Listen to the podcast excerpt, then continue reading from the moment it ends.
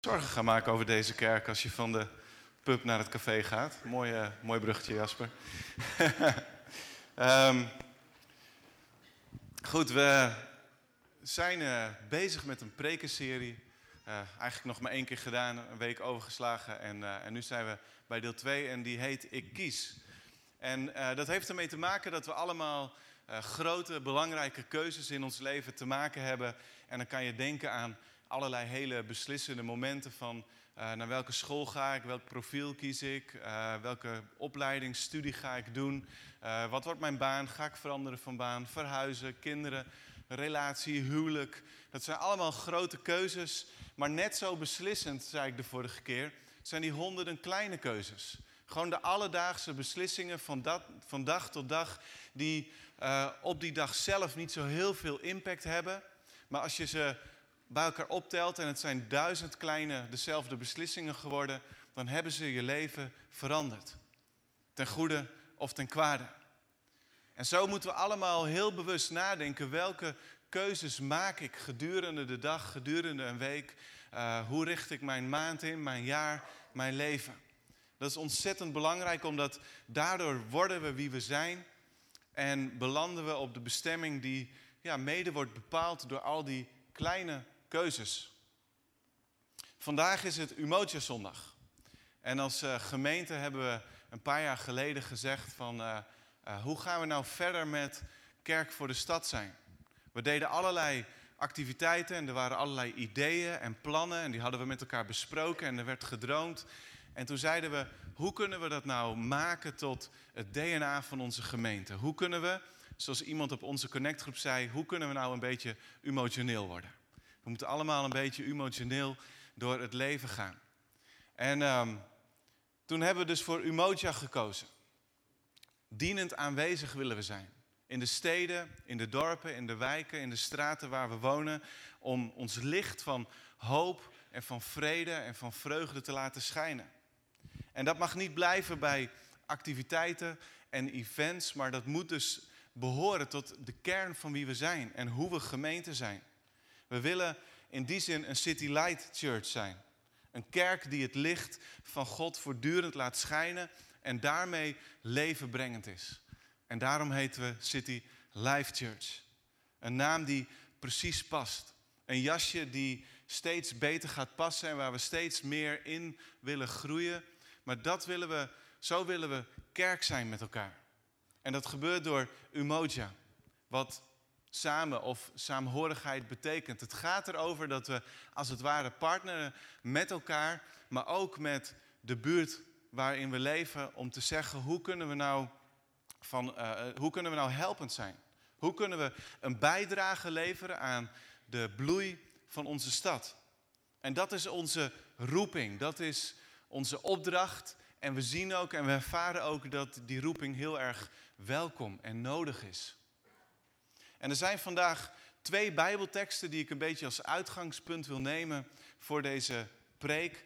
Uh, twee teksten waarvan ik hoop dat je ze onthoudt, dat je ze ter harte neemt. En ze zijn vrij gemakkelijk ook uh, aan te leren. De eerste is Jeremia 29, vers 7. En die hebben we wel eens genoemd. En uh, daar staat: Bid tot de Heer voor de stad waarheen ik jullie weggevoerd heb. En zet je in voor haar bloei. Want de bloei van de stad is ook jullie bloei. En Jeremia die schrijft hier aan Joodse ballingen. Joden die op een gewelddadige wijze uit hun eigen leefomgeving waren weggerukt, die familie en vrienden hadden zien sterven, die waren weggevoerd naar, naar een land waar vreemde afgoden werden gediend, waar koningen zo'n beetje werden aanbeden als goden ook, en waar allerlei waarden en gebruiken overheersend waren die totaal in tegenspraak waren met waar zij voor stonden en wat God hun duizenden jaren al had geleerd. En Jeremia zegt dan, en dat is niet per se intuïtief of gewoon voor mensen, bid nou voor die stad. Bid nou voor die overheerser. Bid niet God straf hun, maar bid stad ga bloeien. Zegen je overheersers. Zet je in voor de bloei van de stad door huizen te bouwen, gezinnen te starten, tuinen aan te planten. Dien je stad. En met dit in het achterhoofd wil ik de tweede tekst ook erbij pakken. En daar staat in Spreuken 11, vers 10 tot 11: Als het rechtvaardig en goed gaat, is heel de stad verheugd. Door de zegen van oprechte mensen komt een stad tot bloei. De uitspraken van goddelozen daarentegen zijn haar ondergang. Dus we kunnen uitspraken doen die tot ondergang zijn van onze stad, maar we kunnen ook de stad zegen. En heel kort gezegd, deze teksten betekenen als iets van als er een groep mensen in een stad of dorp echt rechtvaardig gaan leven. En door hun rechtvaardigheid gaat het hun goed, worden ze gezegend. In het Engels, they prosper. Dan zijn zij zozeer van waarde voor het algemene welzijn van die stad of van dat dorp, dat iedereen daar blij van wordt. En dat is de uitdaging. Dat is de roeping van rechtvaardigen. Om tot zegen te zijn, zodat de stad tot bloei komt. Precies zoals Jeremia dat ook zegt. Zet je in voor de bloei van de stad. Nou, hoe kunnen we ons inzetten daarvoor? Allereerst, ik kies voor de stad door. Vult u in, leest u mee. Ik kies voor de stad door te bidden tot een God vol liefde. Het begint bij gebed.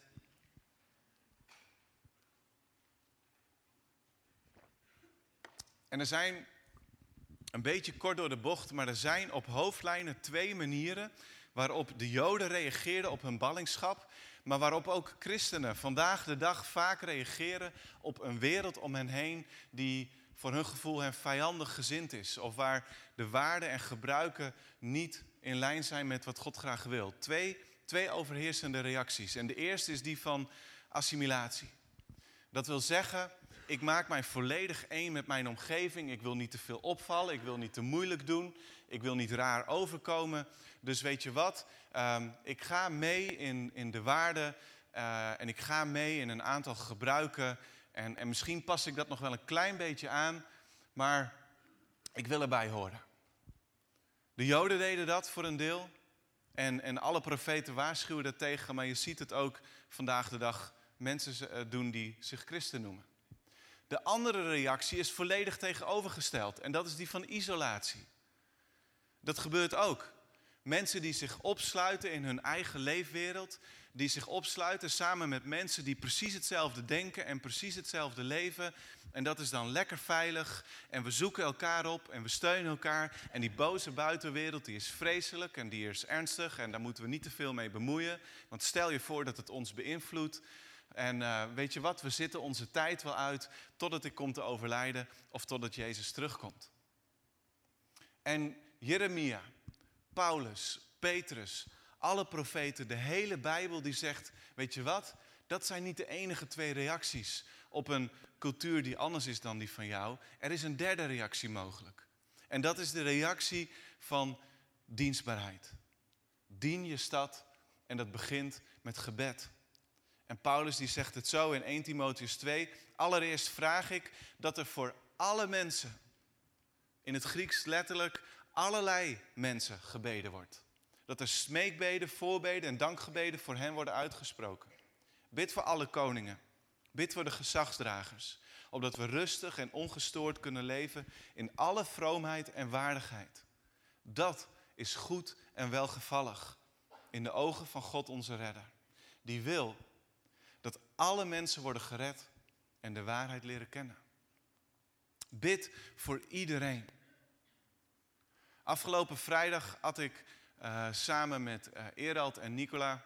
En uh, we spraken elkaar en Erald die vertelde um, dat hij op tijd was vertrokken naar Leeuwarden. Hij zei eigenlijk altijd op, als ik een, een stad bezoek waar een CLC-gemeente is... en om de voorgangers te spreken of te, te preken...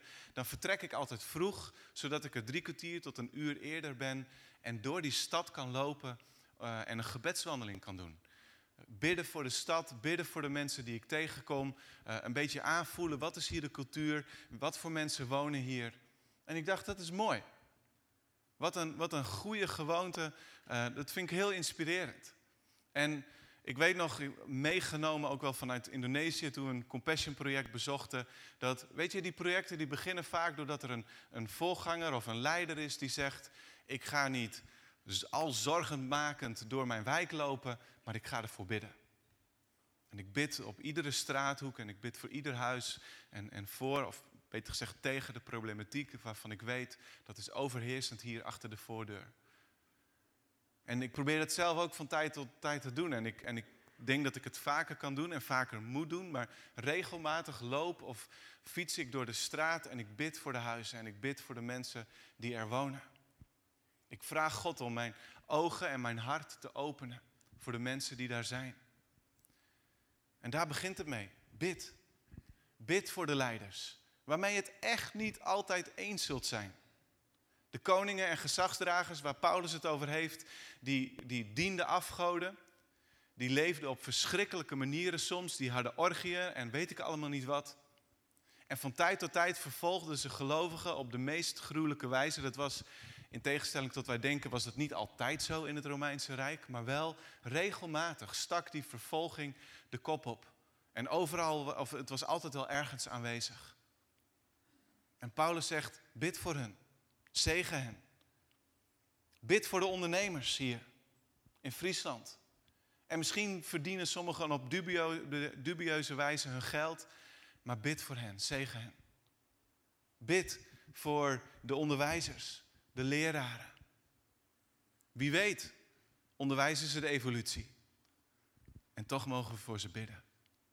Bid voor alle hulpverleners die hun leven van tijd tot tijd in de waagschaal stellen om ons te helpen. En misschien doen ze dat wel met het uitspreken van een vloek, van jeetje, wat is hier weer aan de hand? Maar zegen ze en bid voor ze. Bid, zegt Paulus, voor allerlei mensen, voor alle mensen, voor iedereen, ongeacht wie ze zijn. En ten tweede, kies voor de stad door te leven als een gemeenschap vol liefde.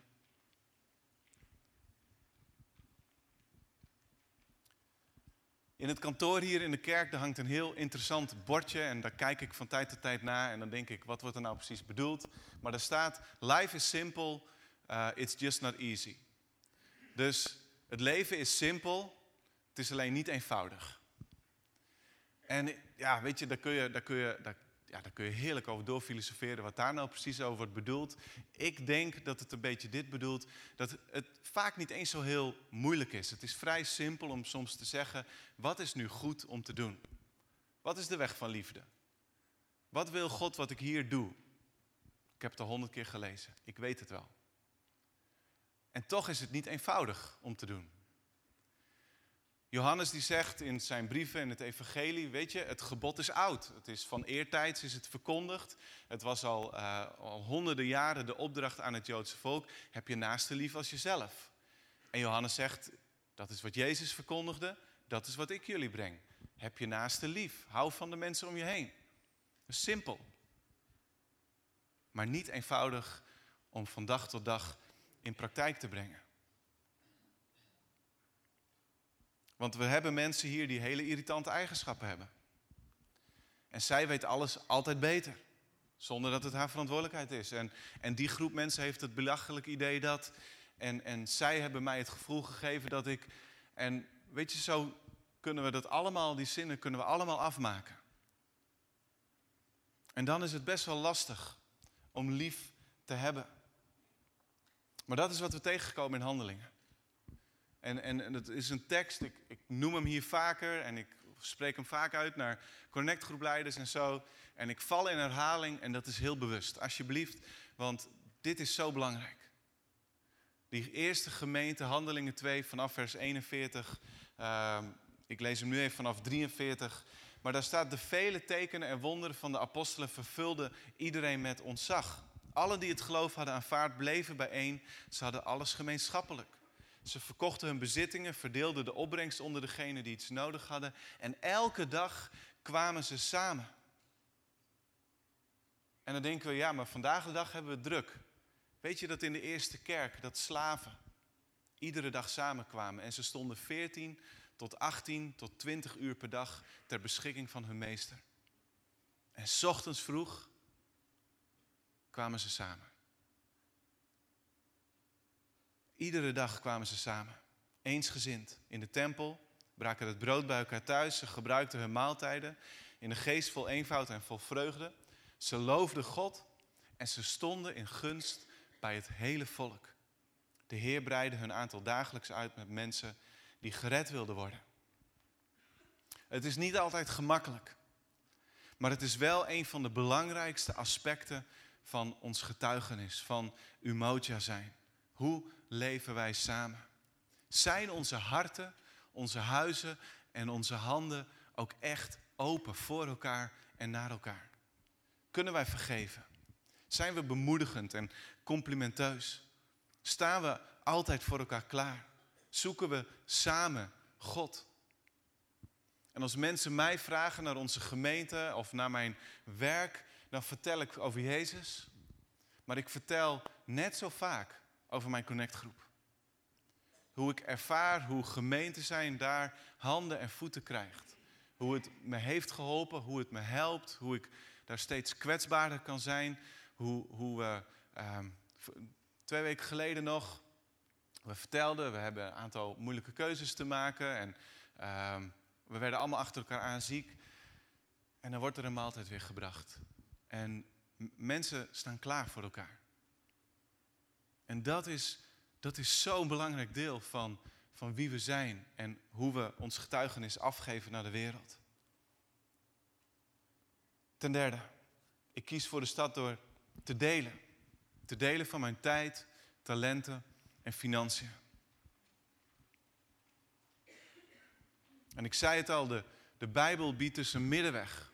De gulden weg tussen isolatie en assimilatie. En dat is dienstbaarheid. Ware godsdienst, ware godsdienst, het woord zegt het eigenlijk al, is niet religieus, maar is relationeel. Het heeft alles te maken met zich belangeloos uitstrekken naar alle mensen. Niemand uitgezonderd. En als ik 1 Timotheus 2 een, een klein beetje mag herschrijven, um, dan zou Paulus ook kunnen zeggen: ten tweede vraag ik dat alle mensen gediend worden. Dat alle mensen gediend worden. En hoe doen we dat? Jesaja 58 maakt dit heel erg concreet. Daar staat, is dit niet het vaste dat ik verkies? Misdadige ketenen losmaken.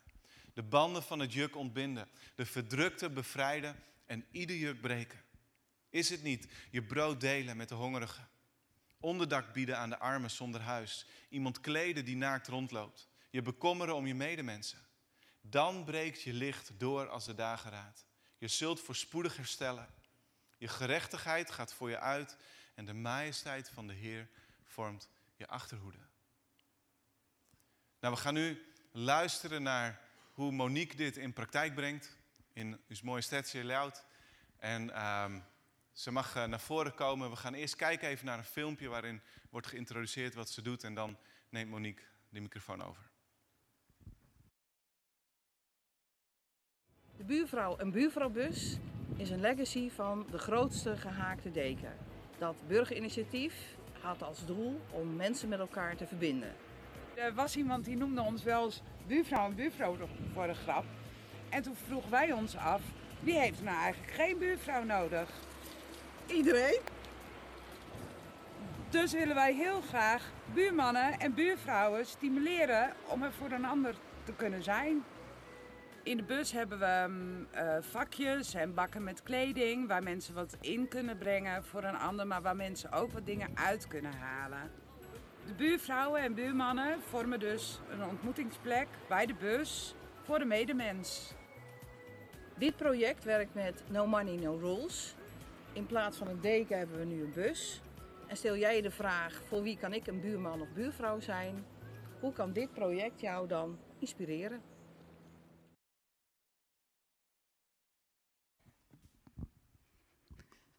Toch altijd wel een beetje spannend hoor, vind ik dit. Praten vind ik leuk, maar ik moet mijn uh, timer even aanzetten. ik kijk hier wel even op. Ik krijg wel een seintje, jammer.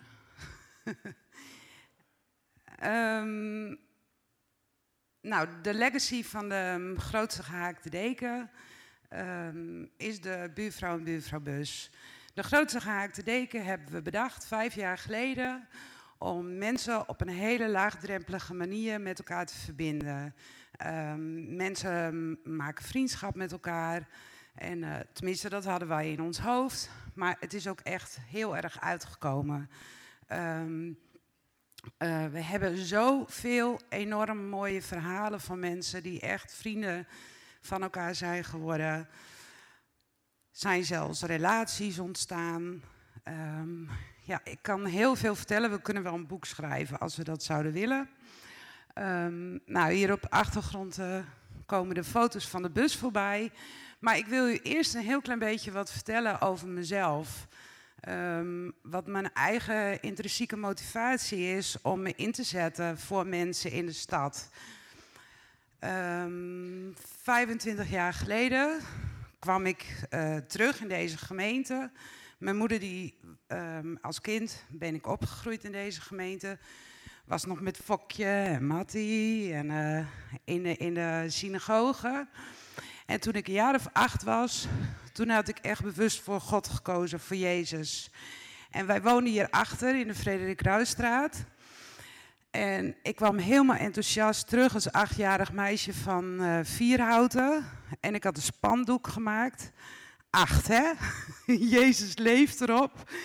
En ik had buurmeisjes en buurjongetjes een paar pannendeksels in de handen gedouwd. En zo zijn we hier door de straten heen gelopen met Jezus leeft, Jezus leeft, met die pannendeksels. maar dat, het is, het is grappig, maar um, daar heb ik al heel bewust de keuze gemaakt van ik wil Jezus dienen. Alleen, um, hoe zal ik dat eventjes zeggen? um, mijn leven ging niet zo makkelijk. En ik voelde mij niet zo als een parel in Gods hand. Maar ik bleef wel elke keer God zoeken daarin. En 25 jaar geleden ongeveer, um, toen ben ik weer teruggegaan naar God. En toen dacht ik, Heer, ik kan niet zonder u. wilt u me helpen? En toen is mijn helingsproces begonnen. Toen kwam ik hier en ik weet nog heel goed dat ik gesprekken met mensen had. Ik was afhankelijk van mensen, wat mensen over mij dachten. Ik dorst geen dingen zelf te doen. Ik had hartstikke last van paniekaanvallen. Die heb ik nog tot tien jaar geleden wel gehad. Dus dan kon ik amper ademhalen op een fiets. Omdat ik zo hyperventileerde, omdat ik zulke nare gedachten had. En voornamelijk over mezelf. Ik zie Mattie zitten. maar Mattie is niet de enigste, dus ik moet een beetje voorzichtig zijn met namen noemen.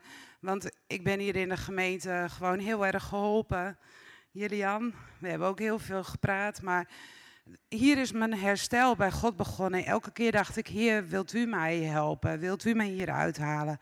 Nou, heel verhaal. God heeft dat gedaan. Voor mijn gevoel soms zelfs wat te langzaam. Want dan dacht ik, Heer, dat kan sneller. U kan dat, u kan dat sneller. Maar iets wat leeg is, moet gevuld worden met wat anders. Als er weer wat anders uitgaat, nare gedachten over jezelf dat moet je leren. Je moet leren um, hoe God naar je kijkt en hoe je. Um, ja, hoe zeg ik dat? Nou, weet ik niet. je moet in ieder, het is in ieder geval een proces. Um, nou, en dat proces heeft God heel mooi gedaan. Vijf jaar geleden ontmoet ik heel per toeval Esmeralda de Vries. En we stonden boven op de Oldenhoven en we keken naar beneden. En um, nou, we waren wat aan het brainstormen. We moesten daarvoor een foto van een interview, bij, uh, voor een uh, interview in een blad. En um, zo kwamen we aan de, aan praat over de stad. Van hoe, hoe mooi zou het zijn als we door middel van haken mensen met elkaar kunnen verbinden. En zo kwamen we het idee, gaan we de grootste gehaakte deken van de wereld doen. We hadden even beneden stappen gemaakt, 2000 dekens, hartstikke leuk. Volgende dag, googelen, ja, die bestaat al lang, die heeft 8000 dekens. Wij dachten, oké, nou maken we er 10 van. 10.000. Helemaal niet in de gaten hebbende wat dat allemaal gaat inhouden. Maar in ieder geval, de legacy van de grootste gehaakte deken is dus de, deken, is dus de bus geworden. Toen het dekenproject bijna afgelopen was, um, vroeg ik aan God, was mijn gebed van Heer, Waar mag ik mijn talenten in een volgend iets inzetten? En ik wil niet uit enthousiasme of uit impulsiviteit doen, maar ik wil echt naar u luisteren. Dat betekende voor mij dat ik achteruit moest stappen en niks moest doen en afwachten. En dat is voor mij heel lastig, want ik moet juist dingen doen en dan lijkt het alsof ik niks doe. Ehm, maar dat heb ik wel gedaan. En, maar ik zei, heer, ik zie niks, ik heb niks. Tot op um, een moment dat we ehm, alle dekens gingen uitdelen. dat, men, dat projecten de dekens konden ophalen, de 11.000 dekens. sprak ik een, uh, een dakloze die in de opslag een plekje van ons had gekregen met dekens. En uh, het was buiten trouwens. We hadden, uh, kwamen erachter dat er een zwerver onder een dakje, afdakje lag. En op een dag sprak ik die jongen en um, ik had zo'n bewogenheid voor hem, dat ik er vreselijk verdrietig ook van werd. En direct ook mijn connectgroep een mailtje stuurde van jongens, wij zingen, maak mijn hart bewogen. En maar wat doen we er vervolgens mee? Ik kom deze jongen tegen en ik kan niks. Ik kan hem niet mee naar huis nemen. Ik heb niks. Ja, een bakje koffie. Maar, maar... En toen wist ik, dit is uw bewogenheid. Hier ga ik, hier ga ik me voor inzetten. Maar hoe? Ik dacht, nou, oké, dan weet ik mijn doel. Um, en nu wacht ik af. Uh, ik wacht weer af wat God me geeft. En Esmeralda de Vries, waar ik samen het project mee had gedaan, had eenzelfde ehm, ontmoeting een maand daarvoor met een dak- en in een andere stad, een ander land, waar ze onwijs verdrietig van was geworden en waar ze niet, um, meer niet aan kon denken. Maar ze had het mij nog niet gedeeld. En twee maanden later um, waren we met elkaar aan het eten en toen zei ze, ja, ik moet je nu wat vertellen, ik kan het niet droog houden. En toen vertelde ze me dus dat ze zo ontzettend bewogen was geraakt voor daklozen en thuislozen. En toen dacht ik, Heer, dankjewel. want dit was een verhoring van mijn gebed, want ik kan dit niet alleen. En Esmeralda en ik zijn zo verschillend, daarom worden wij buurvrouw en buurvrouw genoemd. Een beetje parodie op buurman en buurman. Maar um, we kunnen fantastisch goed samenwerken, juist omdat we elkaars kwaliteiten gebruiken, die heel, maar niet met elkaar overeenkomen in sommige dingen. Um, uh, nou, toen hadden wij dus direct, dat gaat bij ons, we, we brainstormen en we hebben, komen ook direct tot een plan. We dachten, we moeten mobiel door de stad gaan. Nou, daar staat de bus.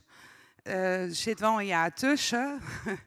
maar um, uh, iemand, een voorzitter van het Old Burger Weeshuis, wist wat wij hadden gedaan. En die kwam mij tegen in januari en die zei, nou en, alweer een nieuw project? Ja, ik zei, we hebben plannen, maar ik kan je nog niks concreet zeggen. Hij zei, wat voor doelgroep? Ik vertelde het hem. Hij zei, mooi, maak een afspraak met mijn secretaresse en we gaan erover praten. En ik kwam daar een paar maanden later, want het is een drukke man. Dus het duurde even voordat we een afspraak hadden. En ik kwam daar en um, hij zei, mooi, wat heb je nodig? Een bus. Ja. Hij zei, wat nog meer? En ik dacht, hoor ik dit goed? Begrijp ik dit goed? Krijgen wij een bus? Dus ik zei, maar moet jij dit niet overleggen dan? Nou, nee dus, want dat kon hij zelf wel beslissen. Jij krijgt een bus of een camper, dat zien we nog wel. Wat nog meer? Nou, ik denk dan direct de benzine en de verzekeringen, weet ik veel wat dan maar. ja, is goed, is geregeld. Um, dus drie kwartier later stond ik beneden bij zijn kantoor en dan dacht ik, ik ben alleen, ik heb dit vast niet goed begrepen. Dus ik bel Haima op. Anne Brouwers is de directeur van, uh, van Haima Auto, uh, die ons heel erg heeft ondersteund. Ik zei, Anne, nou kerst het niet geloven. Wij praten altijd Leeuwarders. maar um, je moet weer even in actie komen. Nou, twee weken later was de bus. Um, in realisatie. En uh, is, mocht ik een uh, tekening maken met wat we allemaal graag erin wilden. U kunt het dadelijk allemaal even bekijken. Het is prachtig mooi gemaakt. Um, en we kunnen los. En we kunnen gaan naar, naar de mensen die ons hier in de stad nodig hebben. En de nood is echt hoog. We gaan niet alleen maar ons concentreren op dak- en thuislozen, maar ook op armoede, eenzaamheid en mensen in leed. En hoe gaan we dat doen? Ehm, we hebben nu al twee plekken in de stad waar we elke, waar we elke vaste woensdag staan en vaste zaterdag. Waar mensen naartoe kunnen komen. Bakje koffie. Als het nodig is, hebben we een lekker warm bakje soep. Want we hebben ook een magnetron. We hebben elektriciteit in de bus. Alles is aanwezig. Maar we hebben ook kleding om uit te delen. We hebben schoenen. We hebben dekens. Ehm, we hebben eten. En vooral dat eten. Um, we komen erachter dat er echt heel veel um, armoede in de stad is. En natuurlijk hoor je dat wel, maar ik kom nu ook uh, mensen gewoon tegen die gewoon niet te eten hebben. En dat, um, dat kun je je bijna niet voorstellen. Maar het gebeurt wel. Dus we hebben crisistassen. We hebben crisistassen waar we mensen die op dit moment niks hebben uit kunnen delen. En de mensen die naar ons toe komen, die op ons pad komen, die komen ook voornamelijk bij de straatadvocaat vandaan. Stanley Ter Haar is straatadvocaat van Leeuwarden. En hij gaat echt de straat op. Hij gaat het bos in. Hij gaat de parken in. Hij, hij weet gewoon ook wat er leeft op straat, ook s'nachts. En dan belt hij mij, Monique, um, een jongen, al acht kilo afgevallen, twee maanden geen inkomen, gesteggeld tussen twee uitkeringsinstanties. Wat kun je doen? Nou, ik heb mijn uh, connectgroep een appje gestuurd en we kregen, kregen die dag zoveel eten, waardoor we drie mensen een week te eten konden geven. En dit gaat nu lopen, hè? dit vuurtje gaat nu lopen. Dus als iemand wat hoort, die zegt van stuur de buurvrouw en buurvrouwbus even een persoonlijk berichtje. Nou, we duiken de vriezer in. En dan kom ik op het punt van wat kunt u doen voor de bus? Um, we hebben dus eten nodig. We hebben echt, we hebben, u kan het dadelijk ook zien, we hebben een sociale boodschappenkast waar mensen ook zonder verantwoording dingen kunnen uitnemen. En mensen vragen dan, ja, daar wordt er misbruik van gemaakt. Nou, en potje meer of minder? Um, als je al niks hebt, noem ik geen misbruik. Um, en maar we willen ook maaltijden gaan uitdelen. We willen eigenlijk vanaf volgende week willen we de straat op gaan en willen we s'avonds ook maaltijden uit gaan delen. Um, dus wij, de oproep is, wil je wat doen? Um, misschien wil je gaan koken voor ons. Uh, en de Facebookpagina Buurvrouw en Buurvrouwbus kun je liken, kun je ons volgen. We zetten dat er allemaal op wat we nodig hebben. En wie um, wat wil doen, mag ons aanschrijven. maar niet alleen maar de bus vinden we heel belangrijk. Maar we willen ook gewoon jou, iedereen in de stad, stimuleren om om je heen te kijken. In je eigen straat. Um, bedenk en, en bid God ook van waar mag ik wat betekenen. Um, er zijn zoveel mensen om ons heen en het is lastig om uit te stappen. Dat, weet ik zelf ook wel. Maar het is echt een moeite waard en God helpt je daar wel bij. Hij geeft je vrijmoedigheid en je moet ook die vrijmoedigheid pakken. Mag ik nog één ding zeggen, Jammer? Ik heb de timer niet aan. Van, van de week kwamen um, in actie, acuut in actie, was er een uitgeprocedeerde Marokkaanse vrouw op straat. Het was echt bijna een uh, vriespunt vrouw had lekker schoenen, koude voeten. We konden haar schoenen geven, sokken. Um, we hebben haar toiletartikelen gegeven. En we hebben haar naar een onderdakadres uh, gebracht van iemand privé. Omdat ze in de nachtopvang niet terecht kon, omdat ze uitgeprocedeerd is. En ik kwam thuis en ik had zoveel emotie in me. Ik dacht, moet ik nou lachen? Moet ik nou blij zijn dat we dit hebben gedaan? Of moet ik nou heel erg huilen? Maar um, het is meestal van verhalen, hè? Je leest het in de krant, je ziet het op de televisie. Maar dan worden de mensen een gezicht. En ik hoop dat uh, armoede en dak- en thuislozen en mensen in eenzaamheid en leed een gezicht bij jou krijgen. Hier in deze stad of in je dorp. Dankjewel.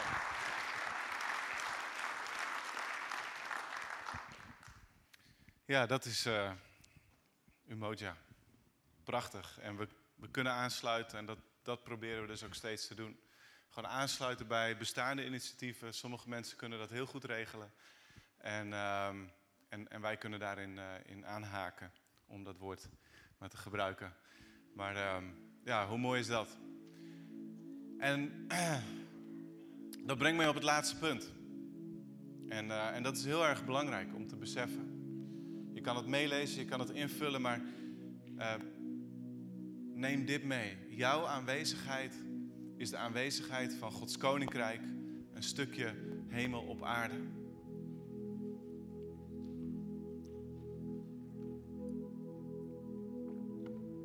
En ik weet, ik weet niet zeker, ik hoop het wel, maar ik weet niet of we dat al voldoende hebben benoemd de afgelopen twee jaar dat we met Umoja bezig zijn. Maar Umoja is niets anders dan handen en voeten geven aan de essentie van waarom we als kerk bestaan. De essentie van onze gemeente zijn. Geloof is soms geworden tot alleen dit. Als je Jezus kent als je redder, dan ben je behouden en dan is er voor jou een plekje in de hemel en daar mag je rijkhalsend naar uitkijken. Maar dat is, dat is één deel en een heel, heel belangrijk deel van redding en waarvoor Jezus kwam. Maar het is absoluut niet het hele verhaal. Jezus die legde het heel anders uit. Als we alleen maar zeggen, Jezus red ons zodat we later in de hemel kunnen komen, dan, dan is dat eigenlijk een hele beperkte toepassing van de revolutie die Jezus tot stand bracht toen hij stierf aan het kruis en opstond uit de dood. En we mogen ons twee dingen realiseren. Allereerst toen Jezus was opgestaan, verscheen hij 40 dagen aan zijn discipelen en toen zei hij dit. En Jezus kwam naar hen toe, hij sprak met hen en zei, mij is gegeven alle macht in hemel en op aarde. Vandaag heeft Jezus alle macht niet alleen maar in de hemel, maar ook op aarde. En Jezus die maakt heel duidelijk, het koninkrijk van God of het koninkrijk van de hemel, dat zijn uitwisselbare begrippen, dat is gekomen. Dat is doorgebroken met zijn komst. En de, de, de Britse Nieuwtestamenticus N.T. Wright, Tom Wright, die schrijft daar briljant over. En de strekking van wat hij schrijft is een beetje dit. Jezus die leidt zijn volgelingen niet eenvoudig weg naar een nieuwe religieuze mogelijkheid of uh, een nieuwe ethiek of een nieuwe verlossingsweg. Maar hij leidt ons binnen in een nieuwe schepping. Hij zelf is daar het middelpunt van. Met hem en in hem is het koninkrijk van God aanwezig. Vanuit hem ontvouwt zich zijn rijk. En het draaipunt daarvan zit hem in de opstanding van Jezus. Met en in zijn opstanding wordt de nieuwe en bevrijde schepping zichtbaar en tastbaar. En als de wereld nog duister is, gevangen in van alles en nog wat, dan zien we op paasmorgen dat het licht vanuit één plek doorbreekt. Het koninkrijk van God kan er alleen maar komen door de weg van het kruis en de opstanding van Jezus. En ja, de volheid van die overwinning, die wordt zichtbaar in de toekomst. Maar het hemelse is niet alleen maar van de toekomst, maar is ook in het hier en nu. Hemel en aarde zijn niet altijd, of zijn niet eens zozeer heel ver van elkaar verwijderd. Maar de hemel raakt soms de aarde, daar waar Gods koninkrijk doorbreekt, door ons heen als gemeente. Als Jezus regeert in jouw leven, dan breng je het koninkrijk van God daar waar je bent. Dan ben je een zegen voor de stad. En dan mag de stad tot bloei komen, alle mensen daarin. Doordat er rechtvaardige mensen zijn die zeggen: de manier waarop we gezin zijn, de manier waarop we onderwijzen, de manier waarop we zaken doen, de manier waarop we ondernemers zijn, de manier waarop we onze belastingpapieren invullen, de manier waarop we, waarop we klaarstaan voor de vluchtelingen, de manier waarop we kijken naar de zwervers op straat, de manier waarop, noem maar op, die is anders. Die is doortrokken van een stukje gerechtigheid en eerlijkheid. En we willen verhoudingen weer rechtzetten. En iedereen doet het toe. En iedereen is belangrijk. En in die rechtvaardige, in die stad, breekt het koninkrijk van God door. En dat is Umoja. Dat is Umoja. Een stukje hemel op aarde. Het koninkrijk van God. De heerschappij van Jezus, die doorbreekt in de levens van talloze mensen. Supermooi. Dat we mogen bouwen voor Gods koninkrijk. Dat we dat mogen brengen. Zullen we met z'n allen bidden. Vader, dank u wel voor Monique. Heer, dank u wel dat ze is opgestaan. Dat ze emotioneel, dat ze emotioneel werd. En dat ze in actie is gekomen. En dat er letterlijk tienduizenden mensen over de wereld zijn verbonden en hebben ingehaakt om die grootste gehaakte deken, het hele park bij Tietjerk te, te bedekken met een deken. Dank u wel dat er een bus is gekomen. Dank u wel dat er een, een plek is, twee dagen in de week en hopelijk zeven dagen in de week in de toekomst, waar mensen kunnen komen om het koninkrijk van God te ervaren. En dat zijn onze woorden. En dat zijn mooie theologische woorden, Heer. Maar het betekent dat we in relatie gaan staan. Het betekent dat we armoede, of de bevrijding uit armoede aankondigen. Het betekent dat we hoop brengen. Het betekent dat we mensen te eten geven. Dat we ze kleren aandoen. Dat er schoenen voor ze klaarstaan. Heer, dat we gewoon tijd hebben voor een bakje koffie en een gesprek met elkaar. En dat we daarin woorden mogen uitspreken van leven. Je doet ertoe. Je bent belangrijk. Heer, ik dank u voor inspirerende voorbeeld. En ik bid voor iedereen hier, inclusief mezelf, dat u ons in beweging blijft zetten. Heer, er zijn de afgelopen twee jaar geweldige dingen gebeurd en mensen en groepen zijn massaal in actie gekomen. God, en we bidden dat het door zal gaan en we willen dat zegenen. En we bidden dat uw koninkrijk komt. En dat uw wil meer en meer geschiet, ook hier op aarde, zoals al in de hemel. Heer, we bidden dat, dat de, de hemel talloze keren de aarde mag raken. In Leeuwarden, in Friesland, daar waar we wonen. God, vul ons met uw kracht. En laat ons denken in de mogelijkheden die bij u zijn. In Jezus' naam.